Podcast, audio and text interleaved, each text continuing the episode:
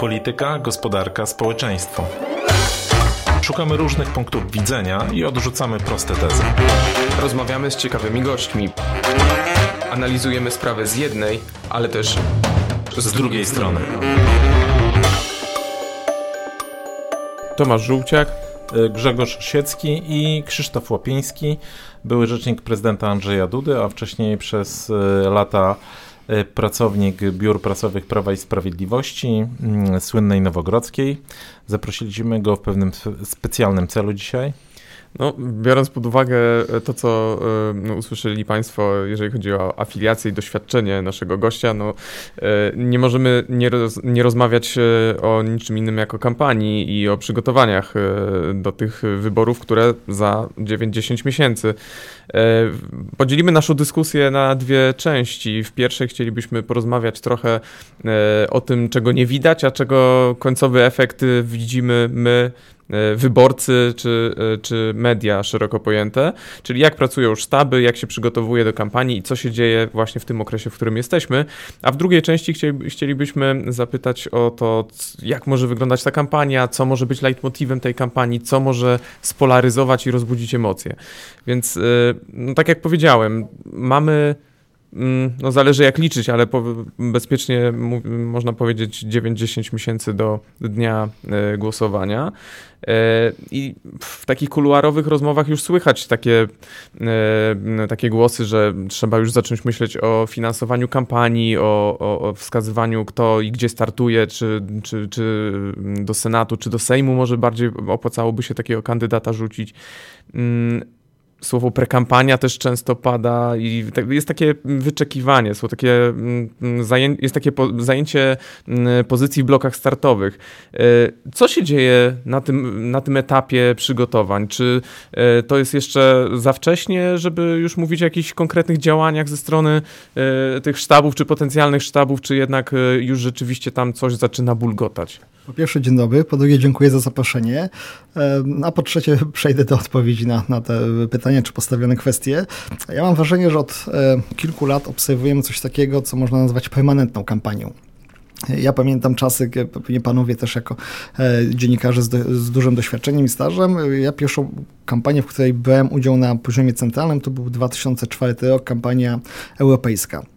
No to wtedy było zazwyczaj tak, że jak jest ogłaszany termin wyborów, ogłaszany potem kalendarz tych czynności wyborczych, to każda z partii powoływała sztab, ten sztab się zbierał, planował, działał. Mam wrażenie, że dzisiaj wszystkie partie, czy te, które tam, e, które są główne i walczą o zwycięstwo, takie sztaby, które, e, które może nie są formalnie nazywane sztaby, ale zespoły osób, które planują cały czas komunikację, planują cały czas różnego rodzaju działania komunikacyjne, e, funkcjonują permanentnie. E, może nie jest tak, że one spotykają się codziennie, jak, w kampanii dwa, trzy razy dziennie, ale z tego, co, co pewnie wiemy czy słyszymy, w każdej partii jest e, już dzisiaj od, od wielu miesięcy czy od nas odpowiedzialna, e, jest jakaś grupa osób, która jest odpowiedzialna za kreowanie różnego rodzaju przekazów danej partii.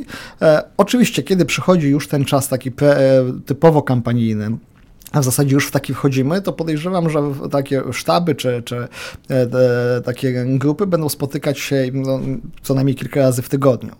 No, w kampanii już takiej, kiedy są ogłoszone terminy, kiedy wszystko już e, działa pełną no to sztab spotyka się codziennie, e, zazwyczaj rano i wieczorem, rano, żeby zaplanować pewne wydarzenia, wieczorem, żeby je podsumować i na kolejny dzień planować jak trzeba, to także w ciągu dnia. Więc to już jest taka praca praktycznie 24 godziny na dobę przez, e, przez e, kilka miesięcy, ale dzisiaj nie, nie ma czegoś takiego, to jest takie moje, moje spostrzeżenie, nie wiem, czy, czy, czy też się panowie zgodzicie i to samo widzicie, e, że dzisiaj już nie, nie ma takiego czasu, że, że partie przez, nie wiem, 3 lata kadencji niewiele robią, czy, czy nie mają żadnych takich ciał, które odpowiadają za e, komunikację z wyborcami, e, bo, bo, bo, właśnie e, szybkość mediów, to, że są media społecznościowe, to, że jest tyle różnego rodzaju tematów, no powoduje, że, taka, że partie nie mogą przespać sobie trzech lat i powiedzieć, ok, wybory są za cztery lata, to przez trzy lata niewiele robimy, a jak będzie kampania, no to wszystkim nadrobimy. No już dzisiaj żyjemy w takim świecie, że że codziennie trzeba walczyć e, o wyborcę, bo z jednej no. strony partia, która rządzi, nie może sobie pozwolić na jakieś wpadki, na jakieś sytuacje, gdzie ci wyborcy odpływają, e, bo później sama kampania to jest za późno, żeby nadrobić, no a znowu partie opozycyjne, które chcą wygrać, też nie mogą sobie pozwolić na to, że e, przez 3 lata nic nie będą robić, czy przez 3,5 i potem powiedzą, a okej, okay, będzie kampania, to, to, to w kampanii nadrobimy. To na, Dlatego na mamy permanentną kampanię z, z, różnymi odsłonami. Ona, ona jest permanentna, tak? Zresztą widzieliśmy, że od połowy zeszłego roku mniej więcej Donald Tusk, Jarosław Kaczyński zaczęli objeżdżać Polskę, inni liderzy też objeżdżają Polskę, są takie spotkania, coś co kiedyś w ogóle było no, takim typowym wydarzeniem kampanijnym, a teraz to jest rutyna. Na pewno, no ale na, nawet jeżeli mamy taką e, no, prekampanię permanentną, to rozumiem, że kampania jest pewnym specjalnym wydarzeniem, które trzeba specjalnie zaplanować.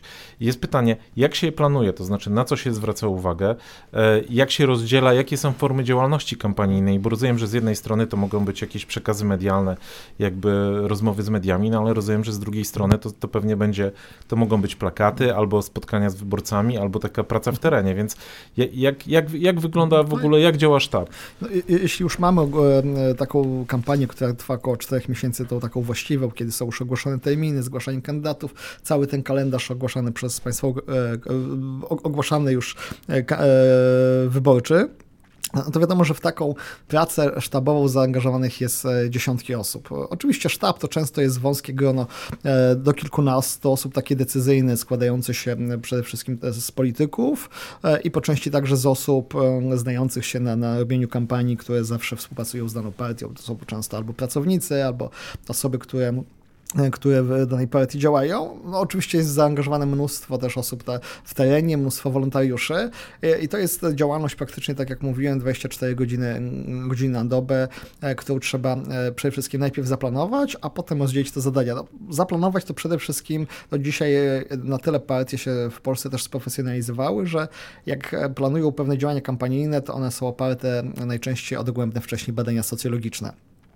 Każda partia mniej więcej wie, e, e, e, jaki elektorat, o jaki elektorat walczy, jaki, o jakich wyborców, jakich ma wyborców, o jakich może zawalczyć, a jacy wyborcy praktycznie no, nie, nie są, nie, nigdy nie zostaną, czy praktycznie nigdy nie zostaną przekonani do tej partii.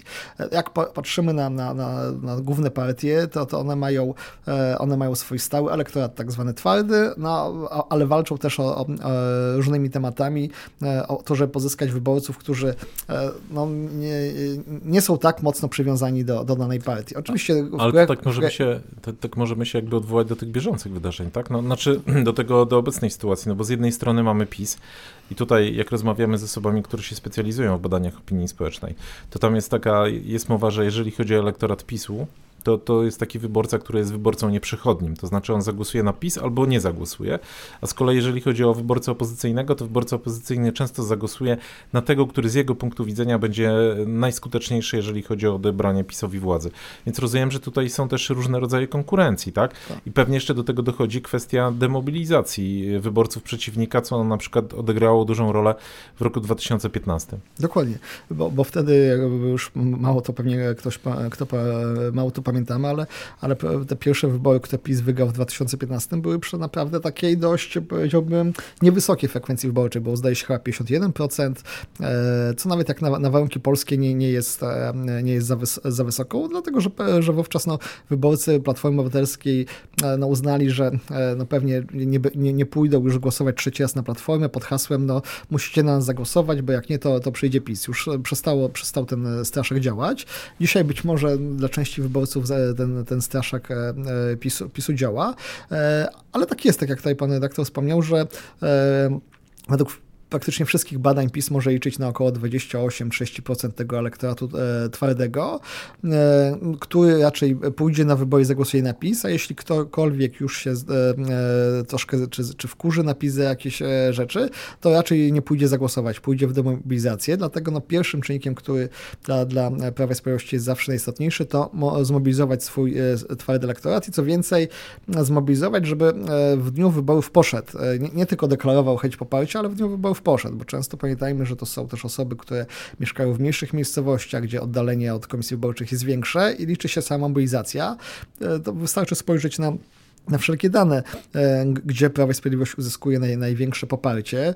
E, jeśli spojrzymy na, na, na, na demografię, no to e, w Polsce dwie trzecie, ponad dwie trzecie wyborców, około dwóch trzecich wyborców, 20 milionów, znaczy około 30 mieszka w miastach do 50 tysięcy, znaczy w terenach do 50 tysięcy mieszkańców, czyli w, w, małych gminach, miasteczkach i, i to jest dwie trzecie wyborców. Jeśli dodamy do tego miasta trochę większe, czyli do 100 tysięcy, to jest 23 miliony, no a wyborców, którzy mieszkają w miastach tych największych powyżej pół, e, pół miliona, to jest zdaje się około 3,5 miliona, czy trochę więcej, więc ja mam taką, może, może i tyle to, ale co, co chyba jest, e, można obmonić na, na, na liczbach, że no, wybory w Polsce e, wygrywa się przede wszystkim w tych mniejszych ośrodkach. Czyli no, to, to, te słynne, te tak? słynne końskie, tak? no, no, bo taka jest polska demografia, no jest, nie, nie, da się, nie da się wygrać wyborów w Polsce, wygrywając tylko, nie wiem, w Warszawie, w Gdańsku, w Poznaniu czy w Wrocławiu, a, a zupełnie tracąc, tracąc te, mniejsze ośrodki, no bo tam mieszka ponad dwie trzecie, dwie trzecie wyborców. Ale to jak już zeszliśmy na ten temat, to zostańmy mm, przez chwilę przy nim. To znaczy,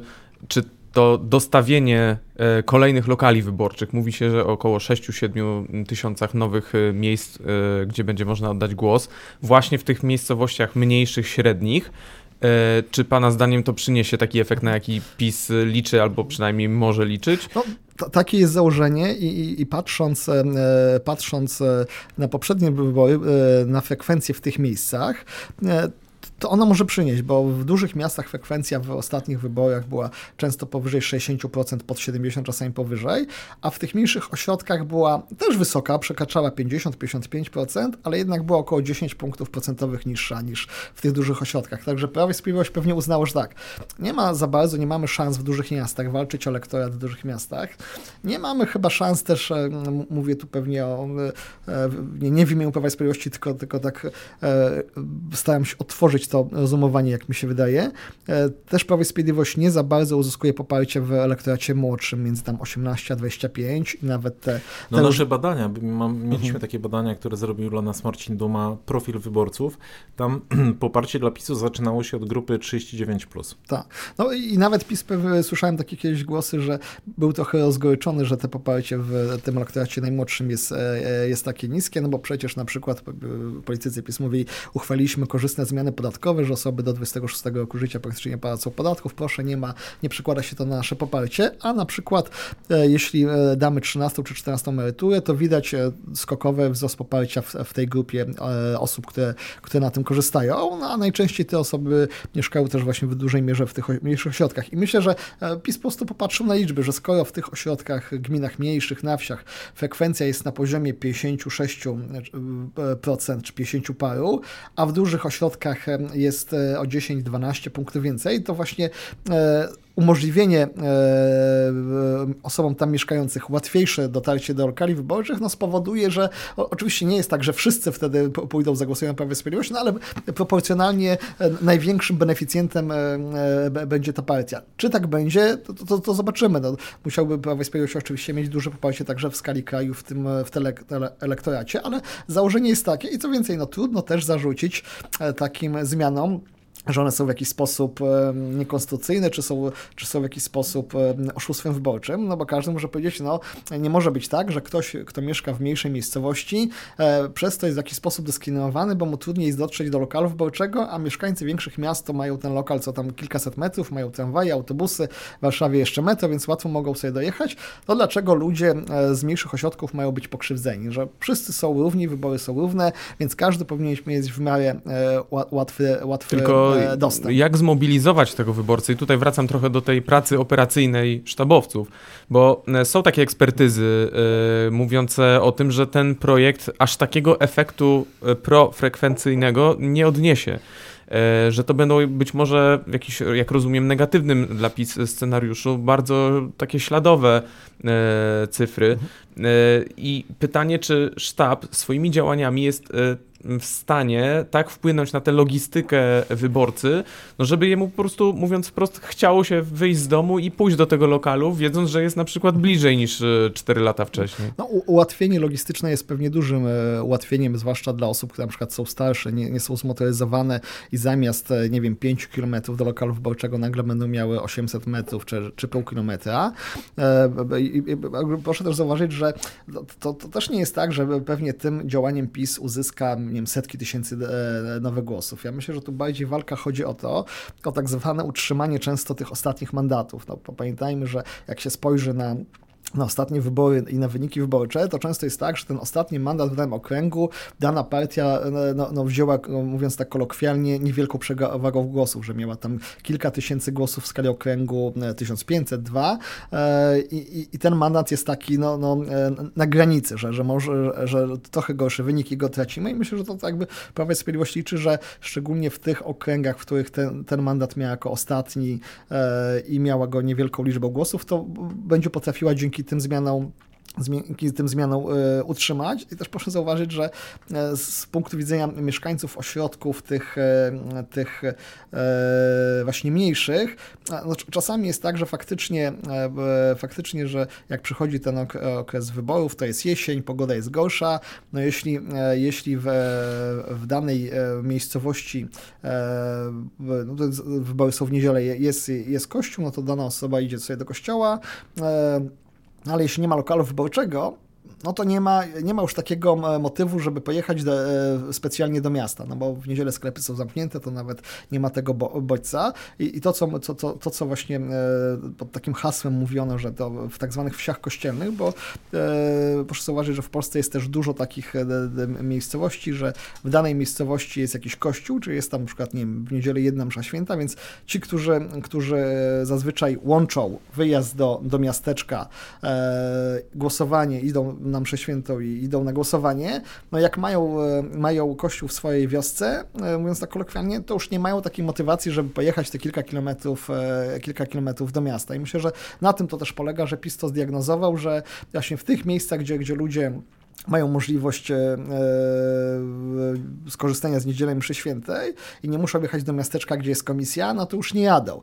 E, a jak a stosunkowo chyba łatwo jest, jest znaleźć w takim zawsze miejscowości, w takiej, w takiej wsi czy wiosce jakieś siedzibę ochotniczej straży pożarnej, czy jakąś tam świetlicę, czy postawić jakieś specjalne taki no, konstrukcje typ, typu jakiś mówiąc kolokwialnie, bajak, że, żeby... No słyszeliśmy nawet o prywatnych lokalach, że są bardzo rzadko, znaczy, ale ja, są ja wykorzystywane. Znam, ja trochę jeżdżąc po Polsce znam wiele takich przypadków, że właśnie w takich e, e, wioskach jest na przykład e, siedziba Ochotniczej Straży Pożarnej, czy jakiegoś koła gospodyń wiejskich, tak. czy świetlica i nawet nie trzeba zbyt dużo logistycznych tutaj, to nie jest nawet bardzo jakoś kosztowne, żeby, żeby te komisje tam stworzyć. Myślę, że to jest jeden z przykładów, który no okay, gdzieś ale to... ale proszę pamiętać, że PiS jakby też cały czas nie tylko działa na tym etapie takim technicznym, wyborczym, ale też stara się docierać do, do swojego lektoratu właśnie z, z, pewnym przekazem. No to, bo chciałem zapytać, bo mówiliśmy o PiSie, a jeżeli chodzi o opozycję i o tę, tą jej strategię mobilizacji, demobilizacji,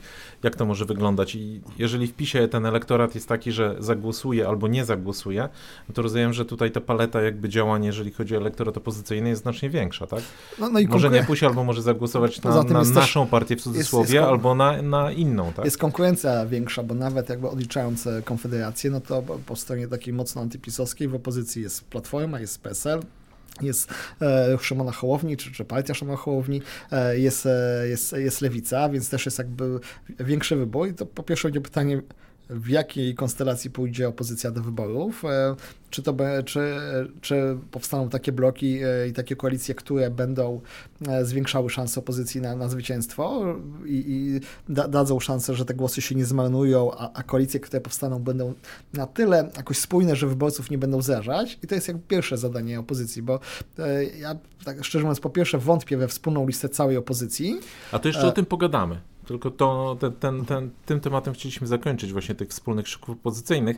No, że chcieliśmy przejść jakby przez format pracy sztabu. Czyli tak, rozumiem, że najpierw sztab musi no, zastanowić się, gdzie łowi wśród kogo Dokładnie. łowi, a teraz czym łowi, tak? Czyli rozumiem, na ile są planowane jakieś tematy kampanijne, albo na ile w tej chwili partie się zastanawiają, ok, tu jakimi kartami my zagramy w tej kampanii i na jakiej podstawie to jest jakby yy, wybierane? To jest na, na, na przede wszystkim oparte na, na badaniach. Oczywiście też w grę wchodzi jakaś intuicja sztabowców, ich doświadczenie, no ale dzisiaj też, też wiemy, że e, z jednej strony wyborców e, Prawa i Sprawiedliwości mobilizuje, e, mobilizuje, mówiąc kolokwialnie, straszenie Donaldem Tuskiem, ale także mobilizują różnego rodzaju obietnice, e, nazwijmy to e, socjalne, czy, e, czy różnego rodzaju transfery społeczne. I, i Prawo i Sprawiedliwość też robi to na, mówiąc krótko, też na takich wielkich liczbach, typu kilka milionów emerytów, 13-14 emerytura, bo tam liczy, że oczywiście nie każdy emeryt, który dostaje tą 13 14 emeryturę, zagłosuje na Prawo i Sprawiedliwość, ale, ale uzysk jest duży, ale proszę zobaczyć też, jak było w ostatnich kampaniach, że Prawo i Sprawiedliwość też starało się tak jakby szukać takich e, często grup czy podgrup takich e, targetów społecznych, żeby do nich wychodzić z jakąś ofertą. No, pamiętamy te słynne wozy strażackie. To często możemy z punktu widzenia Warszawy uznawać, że to, że to prawda, trochę, trochę z tego nawet dworowano, ale dla, dla wielu mieszkańców tych mniejszych miejscowości to było duże wydarzenie, że, mogą, że, że mają szansę, czy biorą udział w walce. To może przypomnijmy właśnie o co chodziło. To była taka akcja w, przy wyborach tak. Bitwa o wóz, jeżeli jeżeli dobrze pamiętam nazwę, i polegało to na tym, że miejscowości, z, gdzie była najwyższa frekwencja, dostawały wóz strażacki. Dostawały wóz, wóz strażacki. Opozycji to się bardzo nie podobało, uważając, że to jest takie no, mm, no, no, tak, a, a, z drugiej strony PiS nie, nie, nie, Traktowanie publicznego jak swoje. Tak, ale z drugiej strony nie było tak obietnica, że miejscowość, w której Prawo i Sprawiedliwość uzyska najlepszy wynik, dostaje wóz, no bo wtedy to oczywiście byłoby e, już, już przegięcie, tylko w zasadzie profrekwencyjnej. No, to, to można oczywiście... No potem media miały używanie, jeżeli tak. była miejscowość, która nie zagłosowała tak tłumnie za PiSem, Dokładnie, a ale dostawała zobaczyć, że też podobne różnego rodzaju e, gesty e, Prawo i Sprawiedliwość kierowało na przykład do środowiska koła gospodyń wiejskich. To też są często e, w, danym okręgu to są często po dziesiątki, e, dziesiątki głosów, e, które się potem przełożą, nie wiem, czy na kolejny mandat, czy na czyjś dobry wynik, więc Prawo i Sprawiedliwość też tak patrzy na to, gdzie można no, stosunkowo nie, poprzez jakieś nie, niewielkie działania, czy niewielkie transfery finansowe, no bo te wozy strażackie to, to nie było coś, co kosztowało budżet państwa miliony, pewnie i tak na, na koniec gdzieś te wozy strażackie by, by trafiły, ale to są takie działania, które PiS, e, którym PiS mobilizuje. No i PiS też zawsze był, e, był e, opozycja chyba tutaj ma jeszcze dużo do zrobienia, nawet jeśli patrzymy, aktywność w terenie tutaj, e, jak patrzę czasami e, na, na, media społecznościowe, to bardzo dużo e, posłów Zjednoczonej Prawicy cały czas aktywnie jeździ na różnego rodzaju spotkania. Często te spotkania gromadzą, nie wiem, 500 osób, a czasami 50, ale, ale widać, mieliśmy przykład ostatnio z jednego z wiceministrów, który, który tańczył, tańczył na takim spotkaniu i gdzieś to przez niektórych w mediach społecznościowych było, było obśmiewane. Mówię tutaj o mistrze Kowalskim, ale on pojechał do swojego okręgu e, na jakąś ważną imprezę lokalną w, w jakimś e, wsi czy gminie, e, wziął w niej udział, nie nie było tylko tak, że wszedł, wygłosił przemówienie i poszedł, został na, na tej imprezie tanecznej, tańczył z, chyba z paniami, czy to było czy, czy z koła gospodyń wiejskich, czy z innych. I na pewno jestem w stanie się założyć, że zdobył tam e, co najmniej e, kilkanaście czy kilkadziesiąt głosów, bo pokazał się jako swój człowiek, który tutaj e, skrócił dystans, który tutaj został na zabawie, bawił się, tańczył, nie, nie tylko pan z telewizora z Warszawy, wielki minister, ale także no, swój chłop. No, I myślę, że, że to jest to coś, co jeśli, jeśli Platforma Obywatelska czy opozycja chce myśleć o zwycięstwie, to musi przede wszystkim zmniejszyć dystans. Ja nie mówię, że musi wygrać w miejscowościach do 5, 10 czy 15 tysięcy, ale musi zmniejszyć dystans, bo jak popatrzymy na wybory prezydenckie, prezydenckie czy parlamentarne, to dystans pomiędzy e, kandydatem e, PiSu Andrzejem Dudą a Rafałem Trzaskowskim, czy PiSem a Platformą, w tych miejscach to było często po kilkanaście punktów procentowych, a czasami ponad 20, e, co oznacza, że, że w opozycji byłoby trudno wygrać w tych, w tych mniejszych ośrodkach, ale muszą powalczyć po prostu, żeby ten dystans nie był aż dwucyfrowy, tylko mniejszy. I, i tam szukać, i tam szukać poparcia, co też nie jest niemożliwe. Pamiętajmy, że często w tych ośrodkach burmistrzami czy wójtami są osoby e, czy, z, czy z, właśnie z komitetów wyborczych tych partii, czy sympatyzujące, e, więc to, to nie jest tak, że, że, że opozycja tam e, nie, nie, ma szans, no musi być aktywna, w, ciągle posłowie opozycji muszą po prostu ruszyć w teren i to też nie akcyjnie raz, dwa razy w miesiącu, tylko cały czas praktycznie organizując dziesiątki, setki spotkań. A to jeszcze chciałem zapytać tak trochę technicznie, wracając do wyboru tych tematów kampanijnych. No, E, mówiliśmy, że to jest wybierane na podstawie na przykład badań, ale które tematy się wybiera? To znaczy, e, jakie są kryteria? Czy jest tak, że jest jakiś, e, robi się badanie i z tego badania wychodzi, że na przykład dany temat popiera 40%, to go sobie bierzemy? Czy to jest tak, że musi go przynajmniej popierać 70%? Czy on musi być jakby taki żrący, tak to nazwijmy, albo może bardzo drażliwy? No pamiętamy kampanię w 2019 roku, gdzie nagle PiS zaczął wrzucać kwestię wychowania e, seksualnego i wychowania jednocześnie kwestii LGBT, tak? Zbił to potem w taką zbitkę seksualizacji dzieci, nie wiadomo czego i zaczął tym straszyć. A trudno znaleźć temat, który będzie do, dotyczył, czy będzie równie mocno interesował, nie wiem, 70 czy 80% e, obywateli czy, czy wyborców. No czy jesteśmy w Unii, Ra czy nie, to no interesuje. Raczej, znaczy to, jest, to, to, są e, rzadkie tematy, no ale tutaj e, przez to, że ponad 80% Polaków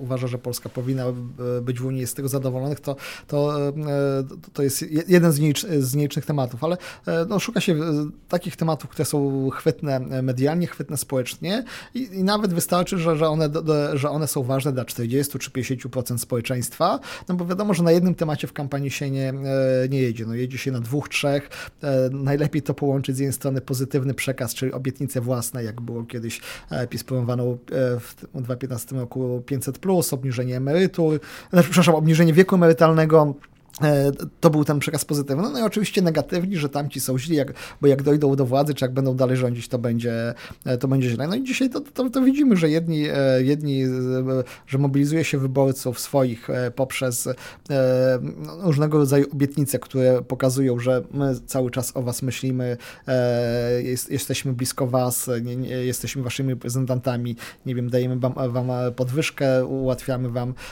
ułatwiamy wam, nie wiem, nawet na, na, na, e, w dorosłe życie i tak dalej. No plus e, szuka się, że tak powiem, takich tematów, które e, no, w, wkurzą własnych wyborców w, w kontekście opozycji. No, dzisiaj wiemy też, że no, Prawo i Sprawiedliwość no, no, dość mocno i często atakuje Donalda Tuska, no bo ma pewnie zbadane, zdiagnozowane, że, że Donald Tusk wyborcom Prawa i Sprawiedliwości kojarzy się negatywnie, że pamiętają mu czasy jego rządów. My czasami się zastanawiamy, mówimy, no tak, ale Donald Tusk Tusk nie, nie rządzi 7 lat i, i, i w ogóle po co to odgrzewać e, ten temat, e, skoro mówimy o polityku, który e, od ponad 7 lat, nie już ponad 8 chyba, bo zrezygnował jeszcze tak, przed końcem, nie. rządzi, ale jak potem się okazuje w badaniach, jak przychodzi co do czego, to znaczna część elektoratu Prawa i Sprawiedliwości pamięta Donaldowi Tuskowi podniesienie wieku emerytalnego czy, czy inne rzeczy i cały czas to jest dla, dla młodszego pokolenia to w ogóle jest, to w ogóle jest prehistoria, e, bo jak ktoś e, e, dzisiaj ma 20 lat, no to 8 lat temu miał 12, polityką się nie interesował, czy nawet jak ktoś ma 22, to wtedy miał też kilkanaście lat, więc dla znacznej grupy społeczeństwa młodego pokolenia jest to, jest to bez znaczenia, ale jednak istnieje duża grupa ludzi, którzy, którzy pamiętają rząd Donalda Tuska i dla Prawa i Sprawiedliwości widać, że to jest dla znacznego części elektoratu, widać, że to jest osoba, która wzbudza cały czas negatywne emocje, które, e, która, e, której boją się powrotu do władzy. E, a proszę zobaczyć, że no Prawo i Sprawiedliwość też dobrze czy, czy, czy, czy umiejętnie diagnozuje, znaczy diagnozuje, no, no, umiejętnie patrzy na, na liczby, no bo znowu też widzi, że, że oczywiście te, ma niskie poparcie w młodszym pokoleniu, ale też sobie patrzy na demografię i widzi, że no, roczniki 18-25 to już to są roczniki niżu demograficznego, tych wyborców nie ma za dużo i jeszcze rzadziej głosują, a osoby powyżej 45 roku życia czy 50 to są miliony, miliony wyborców i oni jeszcze częściej chodzą na, na no wybory, więc to też tak, jest... Nawet sobie tak porównywaliśmy, że te roczniki właśnie seniorskie, tak to nazwijmy, to są w tej chwili, to są e, końcówka lat 50., 60., no to są roczniki od 700 do, do 600 tysięcy osób, no a te roczniki które właśnie uzyskały prawa wyborcze, no to jest to połowę mniej, mniej więcej. Tak? Dokładnie. No, I oczywiście to w, w, perspektywie tam wyborów może za 10-12 lat to, to, to, to, to, będzie się trochę zmieniać, no bo wiadomo, że, że demografia jest w jakiś sposób nieubłagana i, i część z tych starszych roczników będzie po prostu odchodzić, ale na, na, w perspektywie tych wyborów i następnych, no cały czas to są miliony wyborców, e, którzy będą rozstrzygać, e, którzy, których głos jest, jest decydujący. No i stąd też e, chyba opozycja też wie, że, że, że nie tylko głosy młodego pokolenia i głosy dużych miast wystarczą do, do zwycięstwa, one wystarczą oczywiście do, do dobrego wyniku i, i i nawet e, kilkunastoprocentowego czy, czy, czy więcej poparcia, ale e, kluczem jest jednak e, to, to, to, co pokazują wszystkie badania, czyli poparcie w miastach do, do 50 czy 100 tysięcy, czyli te, te słynne końskie, o których kilka temu mówił Grzegorz Schetynek, które stały się nawet takim pewnym leitmotywem kampanii 2020 prezydenckich. Mówimy też o tym, że kampania to jest pewnego rodzaju presja, a presja to jest też e, okazja do, do błędów. E, więc trochę też wracając do wątku e, takiego kampanijnego tła, w jaki sposób się gasi tego typu, te, tego typu pożary? To znaczy, no, jeżeli na przykład mamy ministra, który jedzie do Pacanowa i tam dochodzi do sprzeczki na poczcie, no to kilka dni później temat w sumie można łatwo przeciąć, bo minister po prostu przestaje być ministrem. E, no, w kampanii trochę trudniej wycofać jakiegoś kandydata, e, e, czy to, czy to jeżeli mówimy o wyborach prezydenckich, czy, czy parlamentarnych. Mm, co się wtedy jak, robi? Może pamięta pan jakąś jak taką sytuację? Jak wybucha po, pożar w jednym sztabie, to najlepszą chyba strategią tego sztabu jest pokazać, że w, u konkurencji ten pożar jest jeszcze większy. Trzeba, trzeba przykryć, przykryć jakimś pożarem u nich, więc tak się odwołujemy się do tego języka e, pożarów. Oczywiście są, e, to pan redaktor ma e, w dużej mierze rację, że czasami my też nawet w sztabie mówiliśmy, że, że wygra ten, kto popełnił mniej błędów, nie? Że, że, że to nie jest tak, że w 2015 roku PiS miał oczywiście dobrą kampanię, wiele osób się zachwycało, a my tak trochę podchodziliśmy do tego w sztabie z takim no, no, większym dystansem, mówiliśmy, no okay, mieliśmy bardzo dobrą kampanię, wszystko było fajnie, ale popełniliśmy mniej błędów, bo też błędy, błędy popełniliśmy. E, proszę zauważyć, że to też jest e, tak, że no, no wtedy jest kampania permanentna. Media cały czas relacjonują za e, kandydatami czy głównymi liderami, cały czas jeżdżą łatwo, łatwo w czasie zmęczenia, czy, czy, czy takiego no, dość dużej presji fizycznej, psychicznej jakąś wpadkę, e, więc, e, więc e, no, no, no, wtedy trzeba w, w, jakiś sposób umiejętnie ją gasić, tłumaczyć, e, przykrywać czymś innym, czymś na przykład pozytywnym. E, i, i, te, i też e, pamiętajmy, ale też pamiętajmy o jednym, że dzisiaj żyjemy w dość spolaryzowanym społeczeństwie i to nie tylko w Polsce i czasami jest tak, że, że dany elektorat, jeśli to jest taki elektorat dość, dość mocno wierzący w daną partię, ma dużo większą tolerancję, wyrozumiałość, wyrozumiałość do, do błędów. Widzimy przecież e, i po jednej i po drugiej stronie zdarzają się i, i mocne wpadki językowe i, i różnego rodzaju takie, nazwijmy to, zachowania e, czy drogowe, czy inne, e, które no, wcześniej w wielu sytuacjach, jeszcze kilkanaście lat temu powodowały no, poważne kryzysy w, w danej partii, a wystarczy, jak, to jest taka też kolejny jak paradoks, e, że 3-5 dni e, no, no, dany, dany polityk wytrzyma presję, najczęściej albo się chowając, albo nie komentując i pojawiały się nowe tematy, bo cały czas jesteśmy bombardowani, panowie doskonale to wiecie, jako, jako dziennikarze, e, że, że co, codziennie, co chwilę jesteśmy bombardowani jakimiś nowymi wydarzeniami i,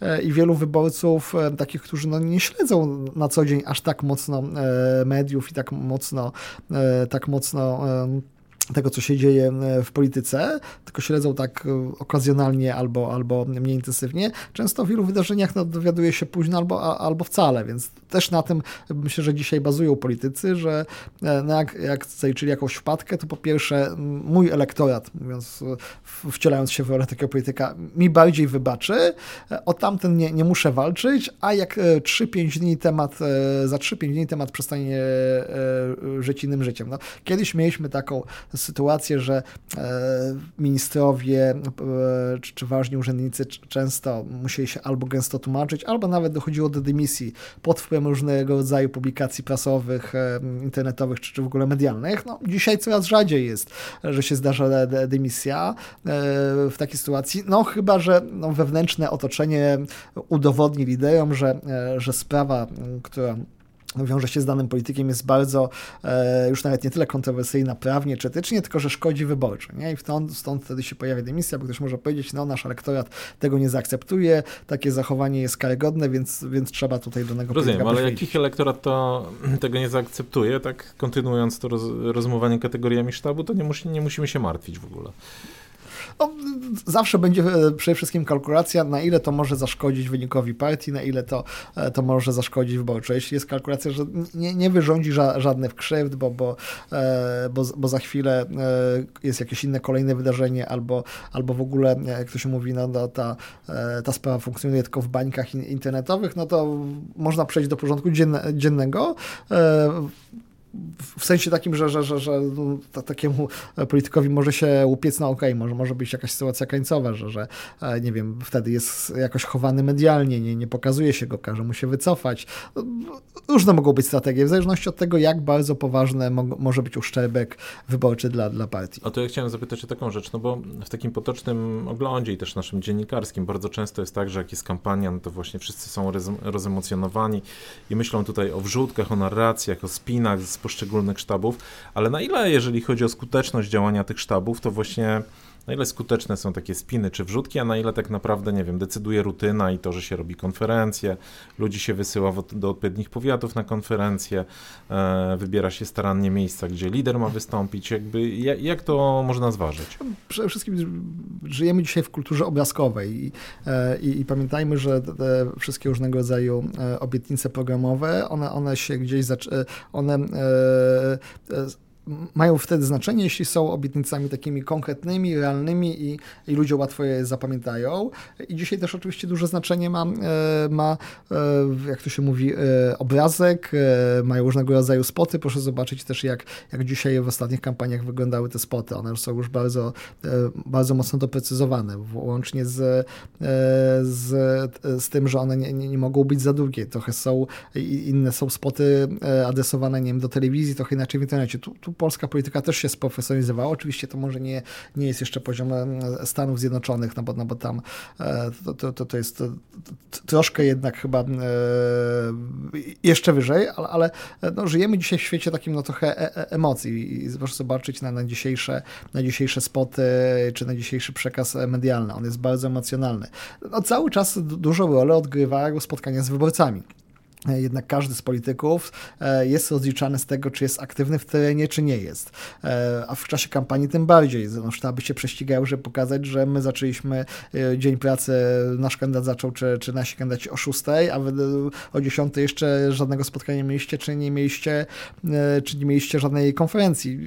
I to pewnie podejrzewam, że tak będzie, że politycy już w kampanii wejdą do, do busów, czy, czy autobusów, będą objeżdżać, objeżdżać tereny, które też są dla nich, dla nich ważne. No, nie ukrywajmy, że, e, że też e, każda z tych partii e, uzna, że na pewnych terenach, tam gdzie ich poparcie jest wysokie, warto być często, często a na innych terenach, e, w których poparcie, e, w których nawet pojawienie się 20 razy e, lidera danej partii niewiele zmieni. No ale właśnie jak to, to jest? No to, to, jest, to jest trochę bo, być mobilizacja. Bo z tego, trochę... co pan mówił, tak, że opozycja powinna brać pod uwagę to, żeby odbijać jakby te mniejsze miasta, to, czy te mniejsze ośrodki, tak, żeby zmniejszać tam dystans po prostu między, tam, tam gdzie dosyć dużo przegrywała. I czy w takim razie ta kampania właśnie liderów partii opozycyjnych powinna być tam bardziej intensywna? Oni po, powinni pokazywać, że schodzą do takich miejsc. Lepiej nie pojawiać nie, boją nie się, nie boją się tak przewagi elektoratu e, ale, PiSu. Ale pamiętajcie, pamiętajcie panowie, kiedyś e,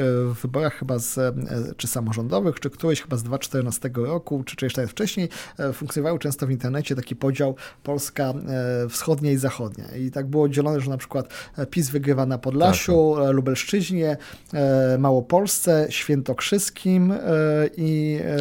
No obserwowaliśmy, jak to się potem przesuwa, i tak? że potem... Tak, i proszę zobaczyć, jak potem się przesuwało, że było łódzkie, że było gdzieś tam śląskie, wielkopolska. Ja mogę to w jakimś tam sprowadzić do, jedne, do, do, jednego okręgu, żeby jeszcze to, to, to, lepiej unaocznić, bo ja byłem w 2015 roku z posłem z Wielkopolski z tak zwanego okręgu pilskiego.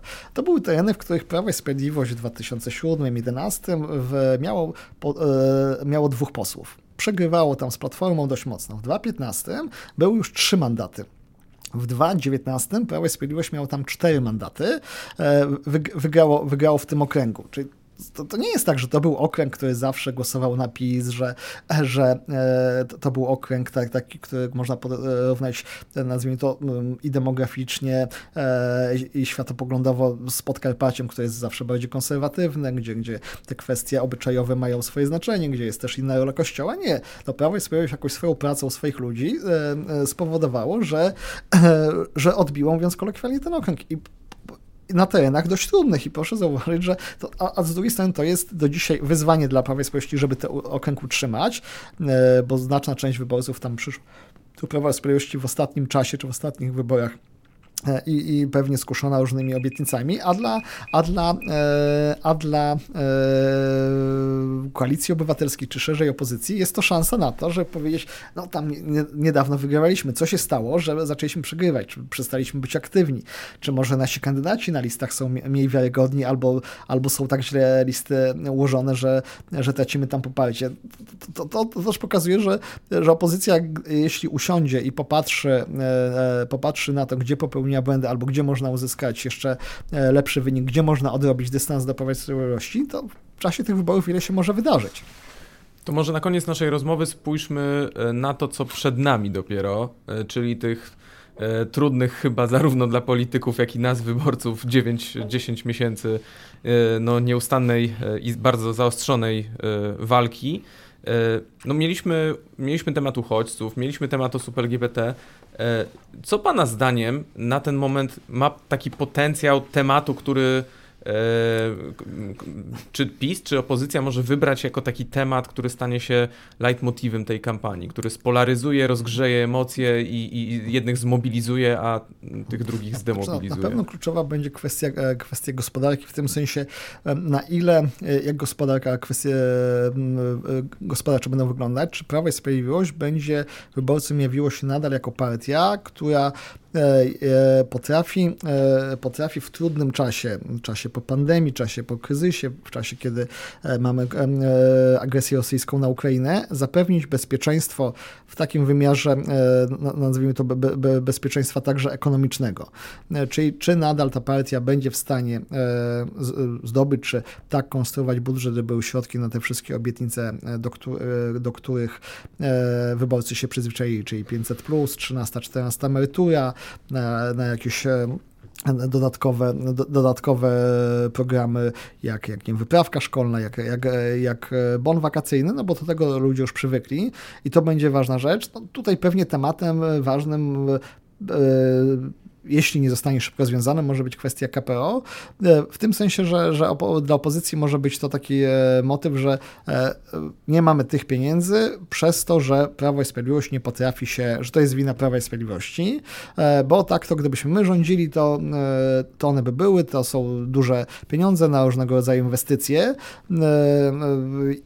i co więcej, tutaj jest też na tyle dla, dla PiSu zagrożenie, że, że nie tylko opozycja może grać, grać tym e, tematem, ale mam, mam wrażenie, że, on, on, e, że dla wielu wyborców e, te środki KPO, one się trochę tak jakby spajają czy zbijają w, w, ogólnie w środki europejskie, że, że już coraz więcej wyborców, e, e, czy, czy, jak jest, jakaś, jest takie zagrożenie, że wyborcy nie będą rozróżniali KPO od, od, od funduszy unijnych, że będą uważali, że jest w ogóle zagrożenie, że, że Polska będzie dostawała jakiekolwiek środki e, unijne.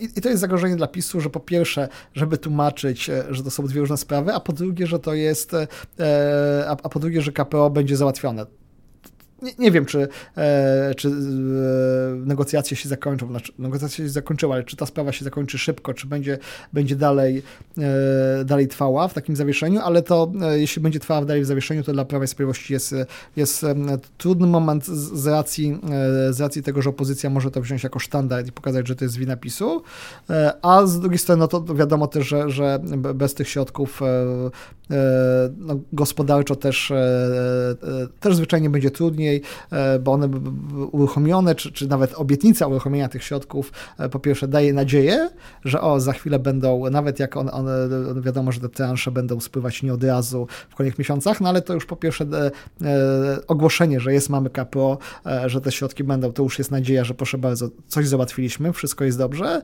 No i wiadomo, że już i samorządy, i przedsiębiorcy mogą pewne rzeczy, inwestycje planować, nawet jak, jak te pieniądze będą za kilka miesięcy czy później. I to jest jedna rzecz, która na, na tę chwilę może być e, czymś, co, co, co, co będzie e, dla jednej strony kłopotliwa, jeśli nie będzie załatwiona. To do tej sprawy my jeszcze wrócimy w drugiej części. Natomiast e, ja chciałem podpytać o e, taką na, na koniec tej rozmowy o kwestię wyborczych szyków. E, coś, o czym mówiliśmy na początku. To znaczy, na ile w tej chwili na wynik wyborów będzie rzutowało to, w jakiej formacji pójdzie do wyborów Platforma, e, PSL, e, Hołownia, Lewica, w jakiej pójdzie PiS, czy pójdzie z Ziobrą, czy bez Ziobry, jak się zachowa Konfederacja, jak to wszystko przekłada się też z punktu widzenia takiej pracy sztabowej, no na oglądanie takiej mapy mandatów w Polsce, tak? No bo my mówimy, jak mówimy o wyborach, mówimy, no ktoś wygrał, bo dostał 8 tak. milionów głosów, czy coś takiego, no ale w praktyce to liczą się z całym szacunkiem, nie głosy, a potem e, mandaty w Sejmie. Dokładnie. No, no I to jest ważna rzecz, bo pamiętajmy, że e, zwycięstwo w 2015 roku PiSu było e, w procentach 37,5 i w zasadzie z naszych nawet różnego rodzaju symulacji wynikało, żeby wygrać e, no, wybory także z wcześniejszych doświadczeń Platformy, która wygrywała wybory mając 41, 42 i nie, nie była większości, że do zwycięstwa takiego samodzielnego i rządów samodzielnych do większości to było 231 lub 231 plus, no potrzeba 43-4%. E, no udało się wtedy, bo pamiętamy, no, Lewica nie przekroczyła progu wyborczego, znaczy przekroczyła próg 5%, ale jako koalicja nie przekroczyła 8%, więc te, te głosy były zmarnowane. No i Konfederacja, co, co już się mniej wspomina, otarła się o ten próg wyborczy, zabrakło im kilkadziesiąt tysięcy głosów w skali kraju. I, to, e, i, i te mandaty, czy, czy te, e, i, i PiS na tym skorzystał. E, i to znowu też jest pytanie do opozycji, czy będzie potrafiła pójść w takich konfiguracjach wyborczych, żeby jak najmniej głosów się zmarnowało. A wiadomo, że no, przy systemie tym, podziału mandatów, systemie Donta, no, ważnych jest kilka czynników. Po pierwsze, e, e, żeby jak najmniej głosów się e, zmarnowało, czyli te, te listy opozycyjne, które, które wystartują, żeby miały powyżej 5%. No i oczywiście jest ważny dystans pomiędzy ugrupowaniem, które wygrywa, a które przegrywa. Przepraszam, kto jest drugie. E, no, no, jeśli ten dystans jest 10 punktów procentowych, czy 12, czy, czy 15, no to też ma znaczenie. Jeśli sobie wyobrazimy dzisiaj, że Prawo i Sprawiedliwość prowadzi e, według tych sondaży i ma 33, 34, czasami nawet 36, no ale e, Platforma ma około 30 i kolejna partia Szymona Hołowni wchodzi, wchodzi PSL i Lewica, no to według dzisiejszych symulacji PiS wygrywa, ale nie nie ma samodzielnych rządów jak, jaki będzie y, scenariusz po stronie opozycji, to, to nie wiemy, bo też pamiętajmy, że e, w e, tych koalicjach wyborczych e, to, to dodawanie nie jest takie proste. To nie jest tak jak, jak łączenie różnych ugrupowań, to to nie oznacza, że jak jedno ugrupowanie ma w sondażu 27, a drugie ma 10, to w wyborach będzie 37, bo czasami te elektoraty są trochę rozbieżne, czasami... Je, Czyli może być albo 40, albo na przykład 32, tak? Tak, bo znaczy wiesz, te koalicje muszą być na tyle spójne, żeby, e, e, żeby, efekt, żeby uzyskać efekt jedności, a nie żeby zrazić wyborców tym, że o proszę bardzo, to, to, to na jednej liście będą znajdować się e, politycy o zupełnie skrajnych poglądach, to ja nie głosuję na, na, na moją partię, na którą wcześniej głosowałem, bo ona idzie w koalicji, która jest dla mnie niewiarygodna. Tu PiS miało o tyle że, ta, taką przewagę, że jednak no, wyborcy e, czy Solidarnej Polski, czy wówczas Porozumienia Sława Gowina, no dość, dość gremialnie zaakceptowali ten, ten sojusz, on był taki dość na, naturalny. No po stronie opozycyjnej no, są duże różnice, bo jak spojrzymy na, na, na przykład na program gospodarczy, czy Platformy, czy Partii Razem, e, no to on jest często, w, często różny. Jak spojrzymy na kwestie e, światopoglądowe pomiędzy PSL-em a Wiosną Biedronia, to też się różnią. I pytanie jest, czy e, taka koalicja byłaby opłacalna tak szeroka, E, ewentualnie na ile na przykład politycy zawiązujący tą samą koalicję byliby w stanie umówić się, na, że w czasie kampanii na pewne minimum programowe. To znaczy, że w czasie kampanii każda z tych stron rezygnuje z takich skrajniejszych, czy takich postulatów, które dzielą i na zasadzie idziemy takim minimum programowym. Ale rozumiem, że PiS by nie zapomniał o tych różnicach i by je... Pewnie PiS, pewnie PiS by chciał i, i, mam wrażenie, że nawet ciężko byłoby utrzymać w, w gronie kilkuset kandydatów, żeby żaden z nich gdzieś na swoich ulotkach, czy na swoich wiedzach, czy na swoich, e, na swoich e, spotkaniach wyborczych nie wyskoczył z jakimś postulatem, który potem PiS mógł powiedzieć, zobaczcie, no to jednak koalicja e, zupełnie jest od sasa do lasa, wyborcy o PSL-u nie głosuj na, na, na tę koalicję, bo, bo, bo nie idą z partiami skrajnie lewicowymi. Znaczy, to, to jest trudne i chyba, i chyba też po stronie części posłów e, czy polityków opozycji nie ma aż takiej chęci, żeby pójść w tak szerokim bloku, e, bo, bo, bo politycy też widzą e, zagrożenie. Ważne jeszcze jest to, to co często jakby mniej mówimy, ułożenie list.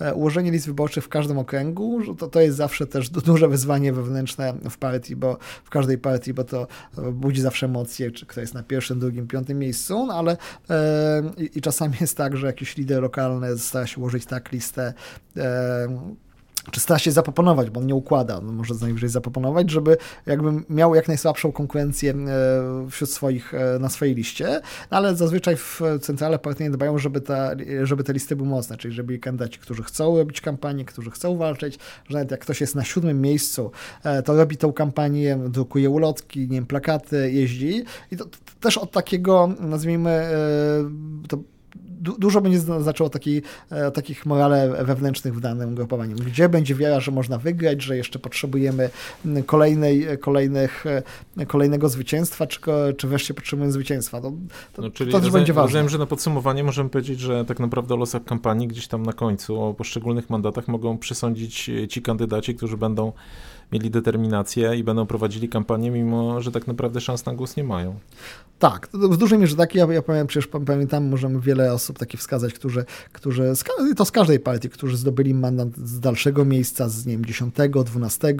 Proszę zobaczyć też, jak się prześledzi na przykład kandydatów Solidarnej Polski, którzy dzisiaj są posłami, to wielu z nich miało gorsze miejsca, czy Jacek Ozdoba, czy Marcin Warchoł z miejsc około 10, czy nawet dalej, robili mocną kampanię e, i wygrywali. W, w, nie mieli konkurencji spośród no, siebie, no, no, prawda, na liście. To, to akurat było cały, cały aktyw partyjny Solpolu po prostu Dokładnie. pracował na tego jednego kandydata. To, to było akurat umiejętnie e, rozegrane, e, więc, e, ale to też, to też jakby pokazuje, że jak, jak była determinacja, wola walki, no to z dalszych miejsc kandydaci wchodzili i, i tak często jest, że a, a, nawet jak, jak dany kandydat z tego 12-15 miejsca nie wejdzie, ale na przykład zdobędzie 3 czy 4 tysiące głosów, to one idą i tak na całą listę.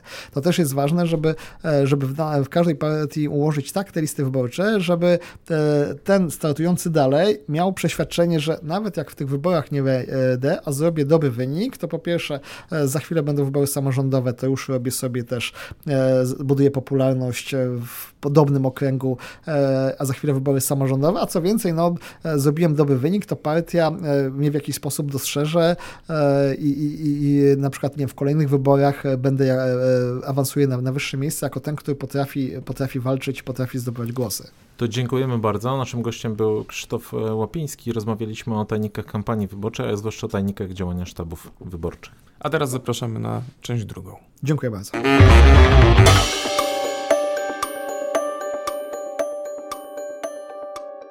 No a teraz część druga, trochę taki appendix do części pierwszej, bo w e, rozmowie z Krzysztofem Łapińskim pojawiła się kwestia KPO jako jedna z takich istotnych e, kwestii kampanijnych, która może zdecydować o tym, czy PiS będzie miał e, szansę na to, żeby powalczyć o reelekcję, czy raczej tych szans nie będzie miał.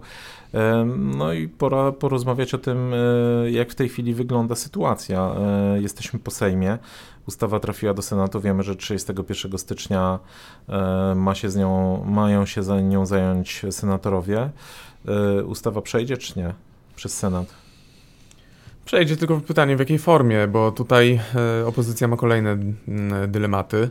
To znaczy, e, choć one mo może są trochę mniejsze niż te, które miała przed chwilą w Sejmie, ale e, wszystko wskazuje na to, że Senat zdecyduje się na poprawki, no, będąc konsekwentnie e, w tej linii, którą przyjęto w Sejmie, czyli nie stajemy PiSowi jakoś specjalnie na drodze do tych pieniędzy z KPO, do tych miliardów euro.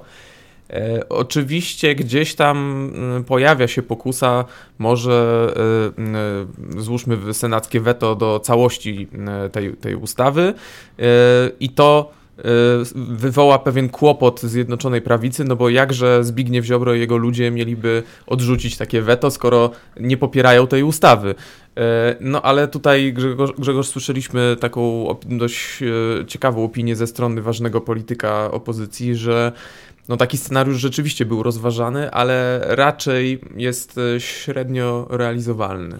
No bo pewnie tu są dwa niebezpieczeństwa. Jeden taki, że faktycznie mógłby się z, zre, zrealizować, co to by w praktyce oznaczało, e, że na przykład e, PiS będzie mógł obarczać winą za brak KPO opozycję. I rozumiem, że to jest jeżeli chodzi o postawę opozycji w tej sprawie od samego początku, no to jest podstawowy jakby taki straszak, tak? czy podstawowa obawa, że jeżeli opozycja doprowadzi do sytuacji, w której e, tego KPO faktycznie nie będzie z powodu tego, że nie wejdzie w życie ustawa, no to, to będzie to przerzucone na jej barki. I niekoniecznie też PiS, taka była obawa e, naszego rozmówcy, niekoniecznie PiS może mieć po takiej sytuacji chęć wyjścia z nowym projektem, bo wygodniej mu będzie e, przez te kilka miesięcy kampanii wyborczej e, trwać w takim trochę letargu, jeżeli chodzi o te sprawy, ale jednocześnie wskazywać, że, że to wszystko to jest wina opozycji właśnie. No pewności nie ma takiej, bo oczywiście nie wiemy, tak? Pojawiły się nawet takie głosy, nie wiem, Marka Migalskiego czy Piotra Pacewicza, że w zasadzie opozycja mogła od samego początku tutaj zagrać się zupełnie inaczej, czyli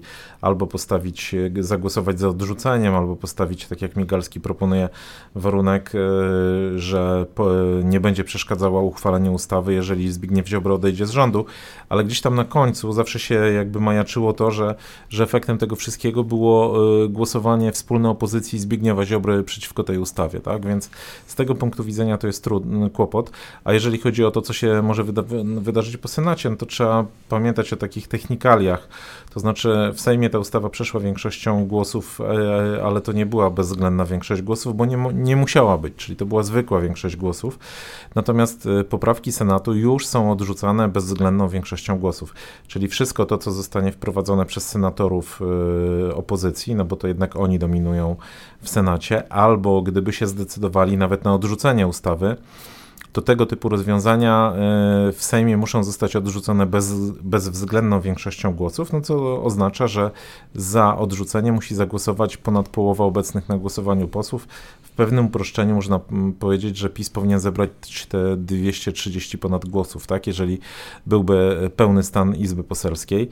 E, no i pytanie, czy tutaj jednak ktoś nie zachoruje, czy nie, nie nastąpi jakaś obsuwa, bo ja cały czas widzę gdzieś tutaj potencjał, oczywiście pewnie szansa na to jest mała, ale no, ta większość jest niestabilna, różne rzeczy się mogą wydarzyć. Ostatnio widzieliśmy, że e, posłowie Solidarnej Polski się pomylili w głosowaniu, e, tak przynajmniej mówili, w głosowaniu nad e, ordynacją wyborczą, więc tu te różne ścieżki są otwarte, ale wydaje się, że jakby duże prawdopodobieństwo ta ustawa ma, że wyjdzie z Sejmu i wyjdzie z Sejmu bez poprawek Senatu, bo pewnie PiSowi uda się ją odrzucić. Pytanie, jak potem się zachowa Andrzej Duda. No tak, to będzie jego dylemat y, taki y, na miesiąc luty, y, bo wszystko wskazuje na to, że ta ustawa wtedy już zakończy ten swój bieg legislacyjny, no i będzie miał przed sobą podobne dylematy co opozycja. Oczywiście są inne powody i motywacje dla tych dylematów, bo prezydent ma cały czas chyba wątpliwości co do, co do kształtu tej ustawy. To też jest w sumie trochę takie mm, znamienne i pytanie, na ile ta dyskusja jest trochę trochę czcza, bo e, ona się rozbija o ten rozszerzony test bezstronności, żeby jeden sędzia mógł podważać status innego sędziego. Dzisiaj to jest uprawnienie strony postępowania, ale widzimy, e, już są takie przykłady e, tak, tego typu spraw, że ten aktualnie obowiązujący test na mocy prezydenckiej ustawy z lipca zeszłego roku, przepraszam, ona była z czerwca, weszła w życie w lipcu, on już powoduje bardzo no, daleko idące komplikacje. Więc pytanie, czy chcemy mieć bałagan w sądownictwie, czy chcemy mieć trochę większy bałagan w sądownictwie, ale przynajmniej mieć miliardy euro? No, myślę, że to jest tego typu wybór. Zresztą przy okazji opisania testu odsyłamy do artykułu naszej koleżanki Małgorzaty Kryszkiewicz, e, która e, opisywała to właśnie tego typu przypadek stosowania testu bezstronności tego, jak on się może multiplikować i mnożyć, de facto paraliżując postępowanie. Natomiast faktycznie pewnie rząd po prostu wyszedł tu z takiej bardzo zimnej oceny, że do wyboru ma albo mieć pieniądze i y, mieć bałagan w sądownictwie, może trochę większy bałagan, albo nie mieć pieniędzy i dalej żyć z tym bałaganem. Y, więc chyba jakby to rozwiązanie y, nie ma na celu uzdrowienia sytuacji w sądownictwie, a ma mm, na celu skutki wyłącznie fiskalne.